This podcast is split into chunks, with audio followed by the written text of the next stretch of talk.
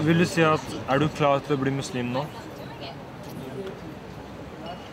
Ja For jeg vil si til deg at du bør bli muslim akkurat her og nå. Youngstorget i Oslo. Under et partytelt i en stol. YouTube-videoen fra en sensommerdag i 2011 viser en 20 år gammel gutt fra Hamar som er sekunder unna å bli muslim. OK, bare gjenta etter meg. Ashhadu Ashhadu an an la la ilaha ilaha illallah. illallah. Gutten med kortklipt, krøllete hår og briller heter Morten Rosvold Abrahamsen. Jeg gikk på skole med broren, blei kompiser, og ofte var Morten der når vi hang. Jeg husker Morten som snill. Så snill at han kunne få mer glede ut av å gi bort godteriet sitt til andre enn å spise sjæl. For snill for sitt eget beste. Han angra seg da det var tomt i godteriposen. Da Morten ble 17, meldte han seg inn i AUF, engasjerte seg for Palestina og mente at religion var roten til all ondskap. Jeg hadde to shammer på meg. Hørte på black metal. Syns det var eh, Alt med religion er tull. Jeg husker også Morten som fyren med ADHD, som droppa ut av videregående, ble deprimert og iblant tenkte at han ville ta livet av seg. Og så, 22. juli 2011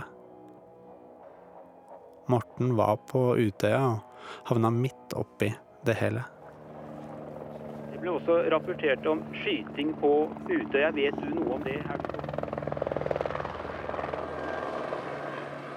Det skytes en del rundt meg. Um, det er mange som skriker etter nåde. Så han sier 'ikke skyt, ikke skyt', og så hører du boff, og så hører du stille, og så er det helt stille. Kafébygget på Utøya. Inni en bås. På do. Og det er da Altså, Da er vi fryktelig stille. Vi, vi, kan, vi lager ikke noe lyd. Morten sitter musestille på kne. Sammen med fire andre. Så blir det stille en stund, eller vi hører skuddene langt unna. Og så er det ei som sier eh, Let us pray together. Når hun foreslo B, da tenkte jeg da blir jeg med på den bønnen som henne fra Kurdistan foreslår. Så vi satte hendene opp som et fast, og så begynte henne å be på arabisk, og jeg fulgte etter sånn med amin. Det er et eller annet eh, arabisk som kom fra min munn. Plutselig bare. Jeg tenkte etterpå, etter jeg konverterte, så tenkte jeg liksom at det var det første tegnet jeg fikk. Morten har glemt en del av det som skjedde den dagen på sommerleir. Han mener at hjernen hans blokkerte ut en del inntrykk fordi det var for jævlig å ta inn. Etter Utøya så holdt han seg hjemme på Hamar, og siden har jeg hørt mest snakk om Morten. Aller mest så preiker folk om det valget han tok noen uker senere.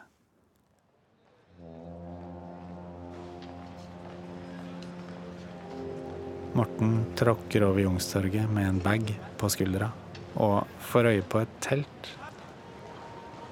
Lær om islam. Gratis bøker, står det. Krøllete hår, en litt framoverlent nakke og et oppspent blikk som leter rundt seg. Når jeg lukker øya og ser for meg Morten, så er det akkurat det bildet der jeg får opp. Det var en sånn derre Hva skal jeg si Det var en sånn mørkhet som lå inni meg, da. Som alt føltes så tungt. Alt føltes så Det er ikke de letteste tingene jeg har vært gjennom heller. Det var jo ute av Så det var liksom Alt føltes så ukontrollbart, da. Ting var ikke under kontroll. Ifølge Morten så var det ikke en eneste sky på himmelen den dagen. Videoen som Islamnett posta på YouTube av det som hvert øyeblikk kommer til å skje, viser at det ikke stemmer helt. Men når Morten tenker på de skjeggete mennene han er på vei bort til, husker han det som den dagen da de mørke skyene ble borte. Så så jeg på noen bøker, og så bare gikk jeg forbi. Etter hvert. Og så stoppa jeg. Og så gikk jeg tilbake. Morten tar plass i en stol overfor Fahd Qureshi, lederen av Islamnett. Kjente jeg var sånn Spurte jeg, hadde jeg masse spørsmål. Svarte han meg så ålreit. Men de spørsmålene som jeg hadde tror jeg, så var det bare sånn tror jeg Da bare skjønte at det her er riktig religion. Kreshi forteller han om Allah, Koranen, om profet Mohammed, profeten og de fem pilarene i islam. Og Morten glemmer helt hvor han var på vei. Så er det bare å si det på norsk. Jeg erklærer Jeg erklærer at det ikke finnes noen verdig å tilbe at det ikke finnes noen verdig å tilbe enn Allah enn Allah. Halvannen time senere, sånn Morten husker det, så inntreffer øyeblikket som skal definere livet hans på ny. Og jeg erklærer Jeg erklærer at Mohammed at Mohammed er hans siste sendebud og tjener. er hans siste sendebud og tjener. Masha Allah. Gi meg en stor klem. Gi meg en stor klem. Qureshi spretter opp og gir Morten en stor klem, før han omfavnes av to nye trosbrødre under teltduken. Hva heter du? Hamza. Brothers. Give brother hug. Become a Muslim, masha Trosbekjennelsen på Youngstorget ble til begynnelsen på Morten Ibrahim. Var du sårbar, liksom? Nei, jeg var ikke sårbar. Um, jeg tror jeg alltid har liksom følt at jeg trengte en Et eller annet, en religion som på en måte fylte det tomrommet da, som jeg hadde. Det var alltid et tomrom inni meg der jeg følte at jeg aldri hadde fred, liksom. Jeg følte at det var noe som oppjaga meg hele tida. Jeg har aldri hatt depresjoner eller selvmordstanker etter det. Etter jeg tok den trosbekjennelsen. Han har en posttraumatisk lidelse, men det er kanskje en naturlig ting når det har vært på Utøya.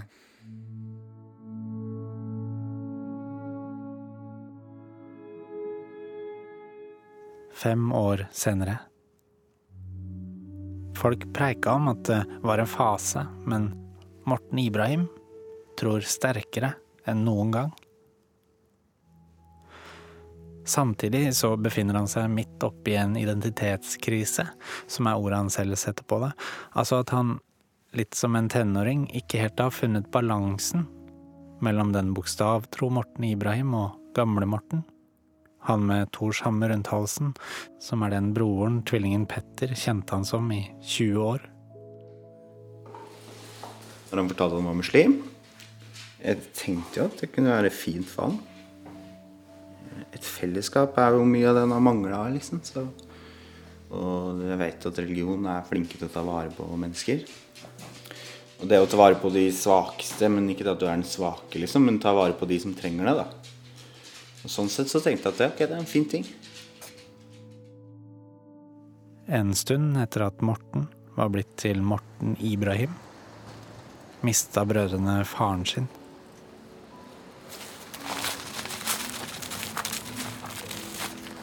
Er du glad i Drillo, Petter?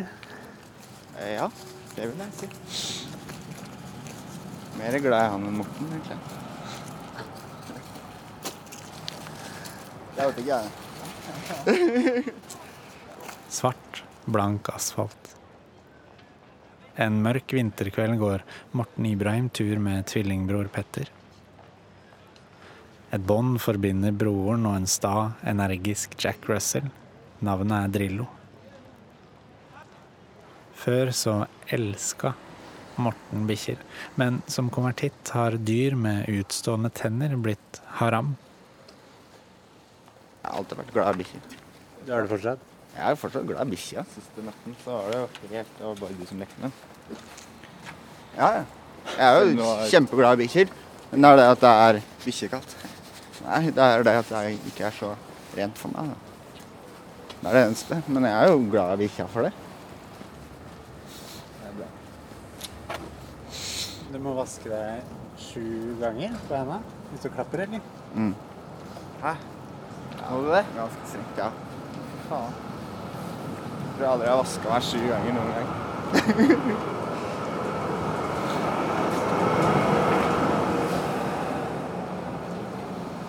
Nei, hvis den er bløt, da.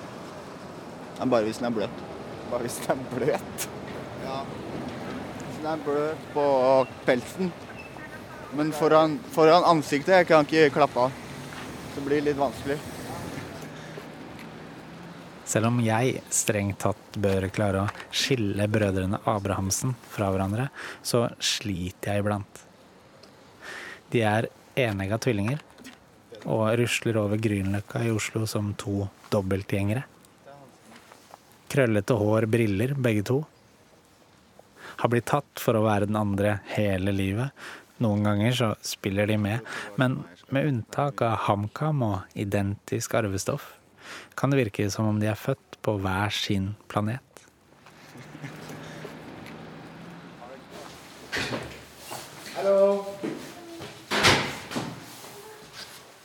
Hjemme i leiligheten til Petter står kjæresten hans over stekepanna.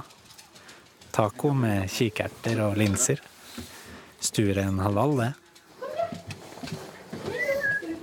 Men Morten Ibrahim kan ikke lenger sove over her når han er i Oslo, fordi Drillo, bikkja til Petter, gjør leiligheten uren.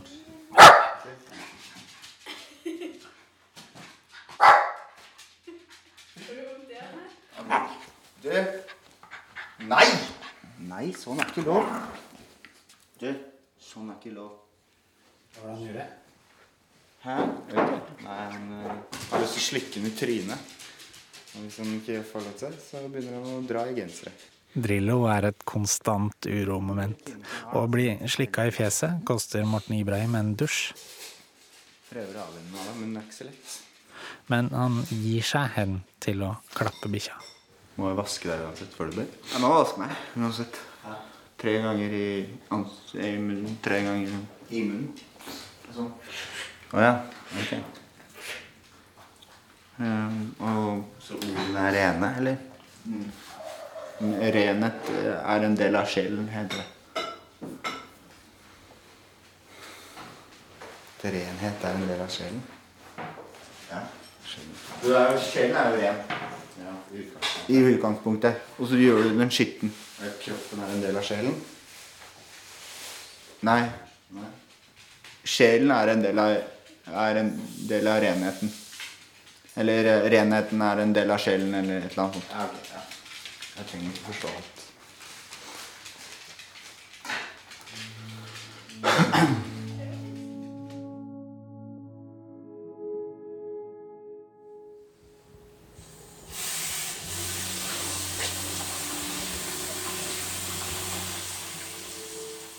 Klokka er 6.19, og sola har ikke stått opp ennå. Nede på gata leser en taxisjåfør Koranen i lyset fra taklampa i bilen. Og i storebrorens leilighet ved Carl Berners vasker Morten Ibrahim seg klar til morgenbønn.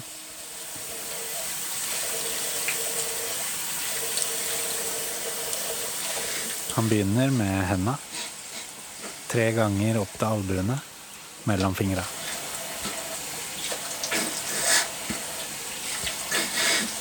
Munn, nese, fjeset. Drar hånda hele veien fra panna og ned i nakken. Tilbake igjen, bak ørene, i ørene. Alt må være rent.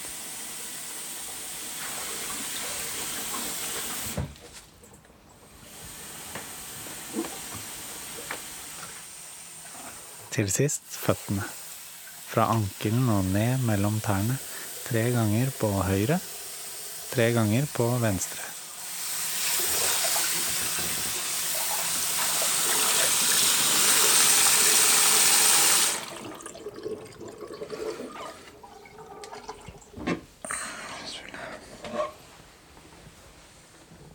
Idet Morten Ibrahim står der med nyvaska, bare føtter på et teppe midt på stuegulvet, blir han med et usikker på hvilken retning som egentlig er sørøst.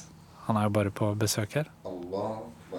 Men med kompasset på telefonen finner han Mekka og går ned på kne.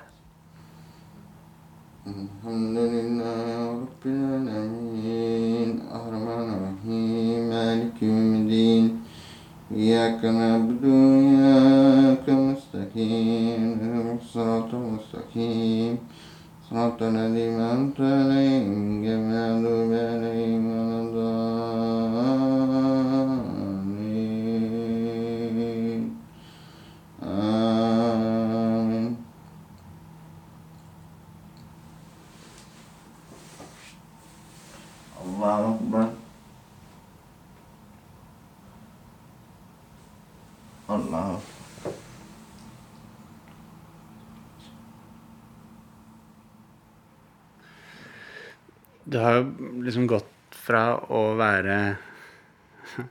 AUF-er, som eh, eh, Breivik valgte å angripe, og ga skylda for at Norge liksom var så multikulturelt som det har blitt, til å bli muslim. Hva tenker du om det? Jeg tenker Alhamdulillah. Det er en liten Det er en veldig seier, tenker jeg. Jeg var på UTA. Han ville ødelegge det multikulturelle. Jeg ble en del av det multikulturelle.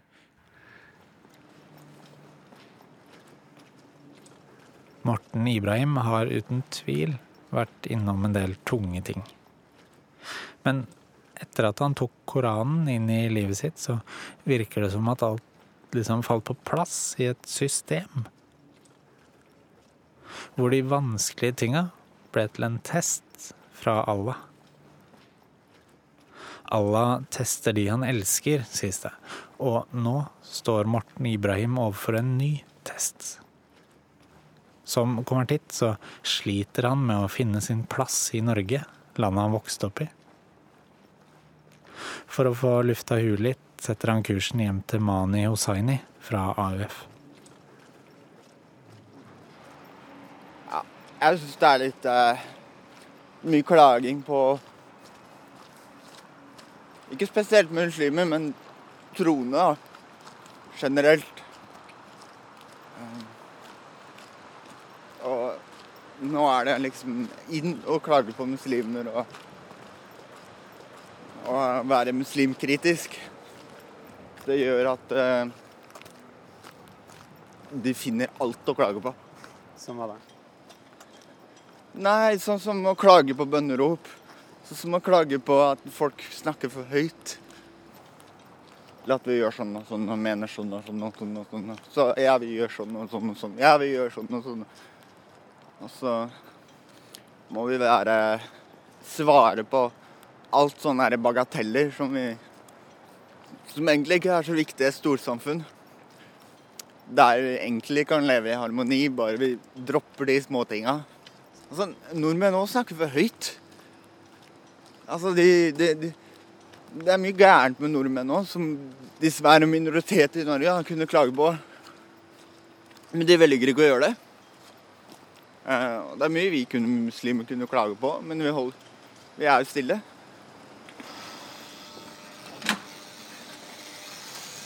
Morten Ibrahim la ungdomspolitikken til side etter Utøya, og har ikke sett Mani Hossaini på lenge.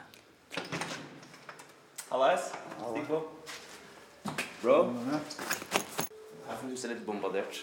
Jeg har gifta meg, hatt bryllup og sånn, så Det korte, mørke håret til Mani er kjemma til perfeksjon. Han kommer rett fra bryllupsreise. Nygift? Ja. Du har vært gift òg, har du ikke det? Ja, men Du har vært. Du vet hvordan vi innvandrere er. Vi, vi skylder oss som Jeg skal ikke skylde meg, ass. Jeg har brukt lang tid på det her, så Morten Ibrahim har faktisk også vært gift med ei muslimsk jente i Norge. Men ekteskapet varte bare noen måneder. Det funka bare ikke. Men eh, hva, hva er planen, da? Hva, er du på jobbjakt, eller uh, skal du fullføre noe, noe greier? Eller? Nei, jeg er ikke så mye på jobbjakt. ass. Jeg er eh, pensjonert, på en måte. Allerede? Du er litt for ung, ass. Ja, jeg- Jeg gidder ikke betale pensjonen din, for å si det sånn. Jeg er, jeg er trygd, jeg er trygd faktisk. Er det det? Ja. Ok. Jeg begynner er ute og litt sånn eh, eh, Helseproblemer i, i nakker og skuldre og rygg og sånn. Så Etter 22. juli ble Morten Ibrahim erklært arbeidsufør og fikk trygd. Um, det var jo veldig mange forskjellige reaksjoner etter 22. juli eh, for de ungdommene som opplevde det verste de har opplevd i hele sitt liv. Som de kommer til å og, og de kommer sannsynligvis ikke til å oppleve, oppleve noe verre. Det å bli jakta på. Menneskejakt. Eh, så jeg husker i hvert fall, Morten, vi snakka om det de første ukene, at eh, alle reaksjoner var normale. Det var det, det, var det litt sånn eh, helsepersonell fortalte oss. Da. Alle reaksjoner var, var normale. Det var noen som eh, Noen som valgte å legge, ut på en lang reise rundt om i verden. Noen valgte tro, som Morten gjorde. Jeg vet at det var flere som gjorde det. Flere som ble troende kristne, tro, tro, troende muslimer. Eh, og det var noen som, som ble superengasjert i AUF etter det. Eh, og dedikerte livet sitt til det. Og så var det noen som på en måte ikke orka å gjøre noen ting i det hele tatt.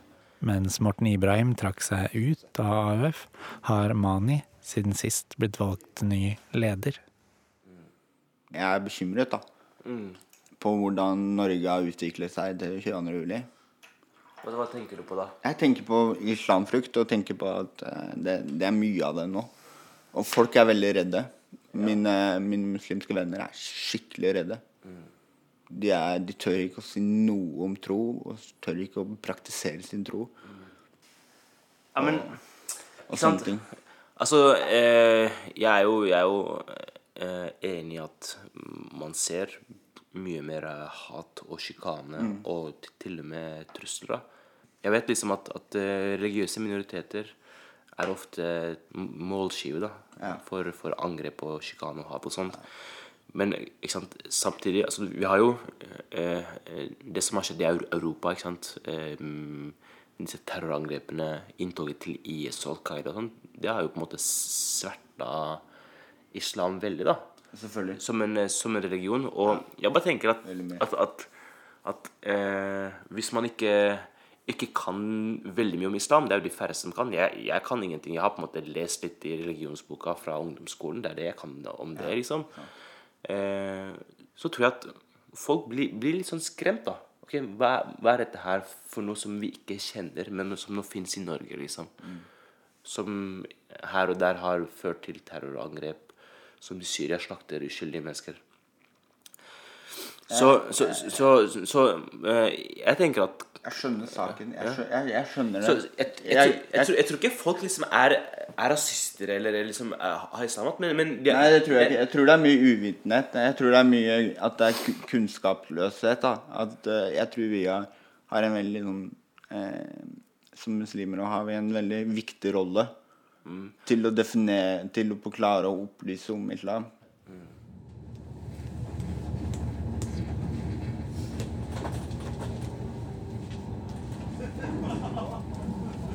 Fra glatt asfalt til fem centimeter snø. Morten Ibrahim skal hjem til middag hos mor. Neste stasjon er Hamar. The next station is Hamar.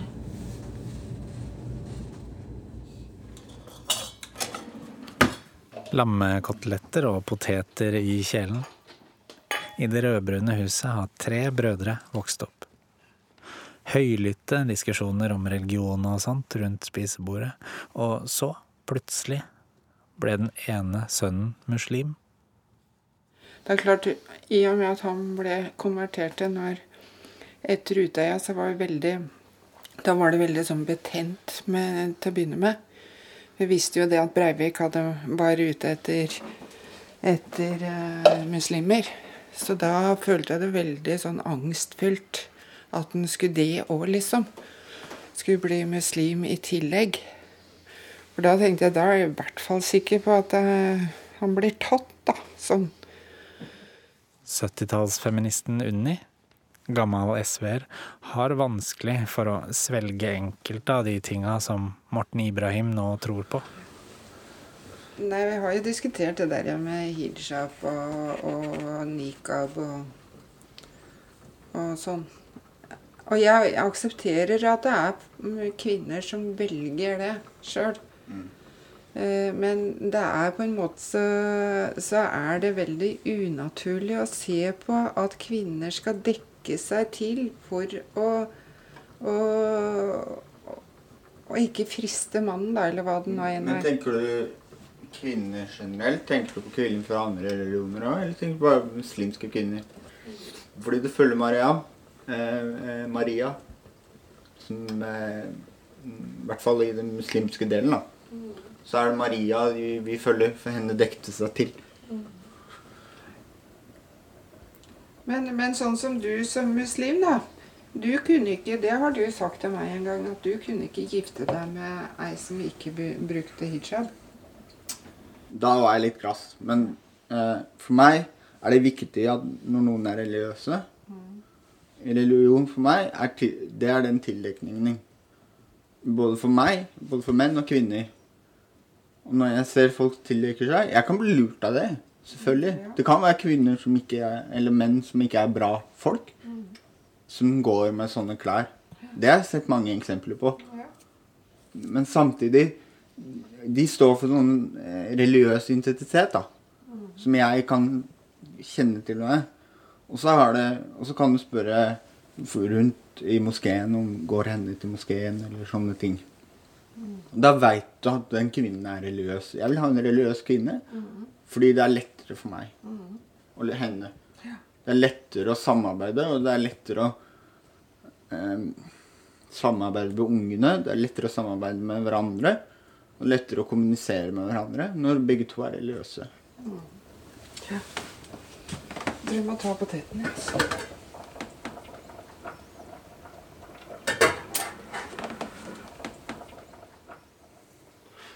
Selv om det ikke er opp til deg å dømme, er du liksom redd for hva som kan skje med familien din på, på dommedagen? Ja.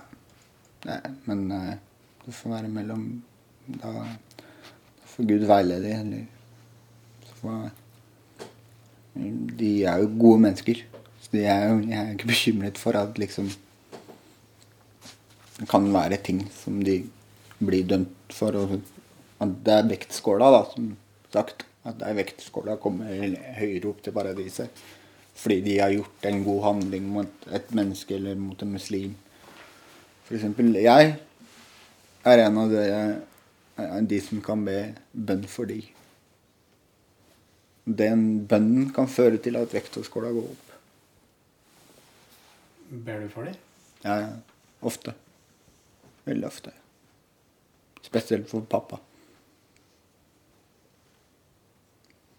For når du er død, så er det ferdig. Mamma er det håp for, Simen er det håp for, Petter er det håp for ennå. Men pappa, det er ferdig. Bestefar, det er ferdig. De er døde, liksom. De eh, skal møte sin herre, som du sier. Og det ber jeg veldig mye for at eh, han skal være barmhjertig mot de. Jeg har vært redd for at Morten Ibrahim skal havne i feil gjeng og bli radikal. Altså, i en tid hvor selverklærte profeter herjer i avkrokene på YouTube og i krokene på moskeen, så er det sårbart å være ung konvertitt som sliter med å finne sin plass. Historien om Morten Ibrahim kunne lett blitt en av de som slutta i Syria? Ja, altså nå satt jo Morten og jeg og så på et program sammen. Jeg gjorde Det var en om eh, han som døde. Og da sa Morten midt i det hele Det er jo nesten som å høre, høre meg. Den historia hans, da. Hvor han ikke hadde falt helt til ro i, i det norske samfunnet og på en måte funnet sin plass. Morten Ibrahim har blitt forsøkt huka inn i de mer radikale miljøene, men har lært seg å kontre det. Mm, ja, jeg møtte en fra Profeten Summa i en moské for tre år siden, tror jeg det var. Så møtte jeg de, og så sa de liksom Kom de med påstander om vi må drepe alle kafir, og vi må liksom bekjempe vantro, og vi må gjøre det og det og det og det. Så ble jeg ganske sånn Jøss, yes, Må vi det? Ja, det er viktig, fordi de ødelegger for oss muslimer. Undertrykker våre muslimer og USA. Dette er politikk, sa jeg. Det dette er ikke religion, sa jeg først. Nummer to. Nummer én, jeg vet hvem du er. Jeg vet hvilken gruppe du tilhører.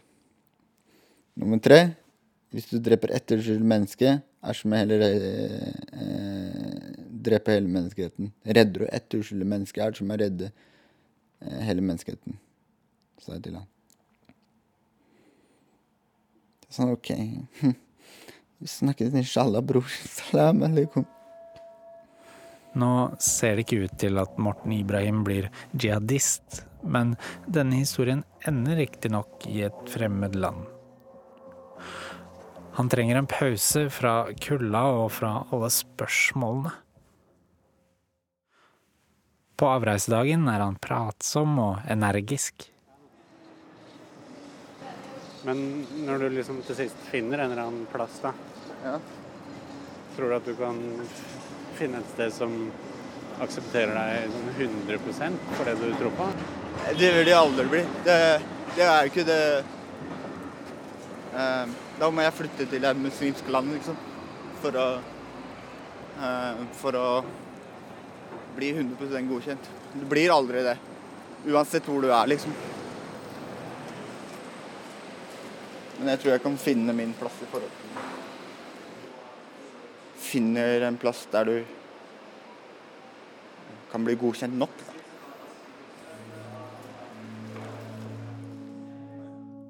Han skal besøke bestevennen Khalid, gammel AUF-er som ble utvist til Djibouti, et lite land på Afrikas Horn.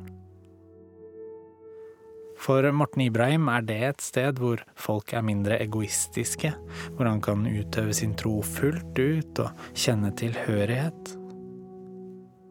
Morten Ibrahim har vært der en gang før, og ble da tatt imot som en slags rettroende viking. Du hører uh, bønnerop hver eneste dag, eller fem ganger om dagen. Um, det er den roet i, i moskeene rundt, da. Og så der kan jeg starte med blanke ark. Og fargestifter til. Men her eh, har jeg på en måte hatt et ark som ikke Som folk har en eh, et bilde i seg, da. Der kan jeg begynne helt på nytt og være meg selv. Jeg kan være mye mer meg selv, da. Det er sånn.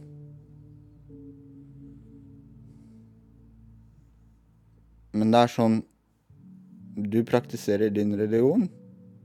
Så, så lenge du ikke plager dem, så plager ikke de deg. Det er det som er så deilig. Det lar deg liksom være i fred. Du kan bare praktisere din religion akkurat som du vil. Bare ikke du gjør noe ulovlig, da. Syns du det er annerledes her i Norge? Ja. Jeg mener det er mer åpenhet i forhold til religion. Det er enn her i Norge.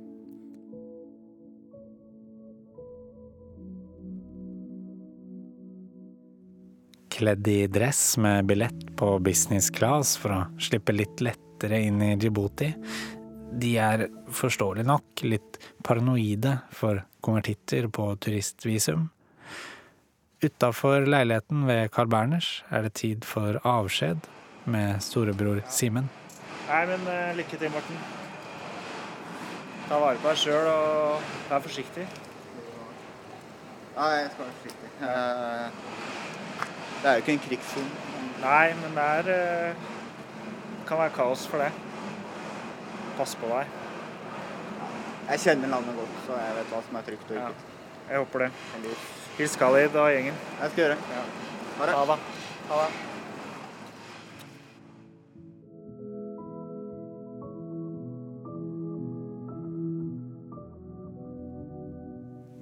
Noen uker senere.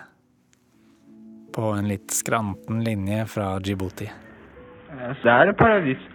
Sånn eh, religionsmessig og sånn Hvordan det er fantastisk på ramadan, hvordan de hyller de døde. Alt sånne religiøse ting er mye bedre her i Djibouti. Det er bare det, min helsesituasjon som er dårlig, som er, gjør at jeg må, må komme meg hjem, da. Eh, jeg tror beste løsningen er det være hjemme der jeg får gratis helsehjelp. Og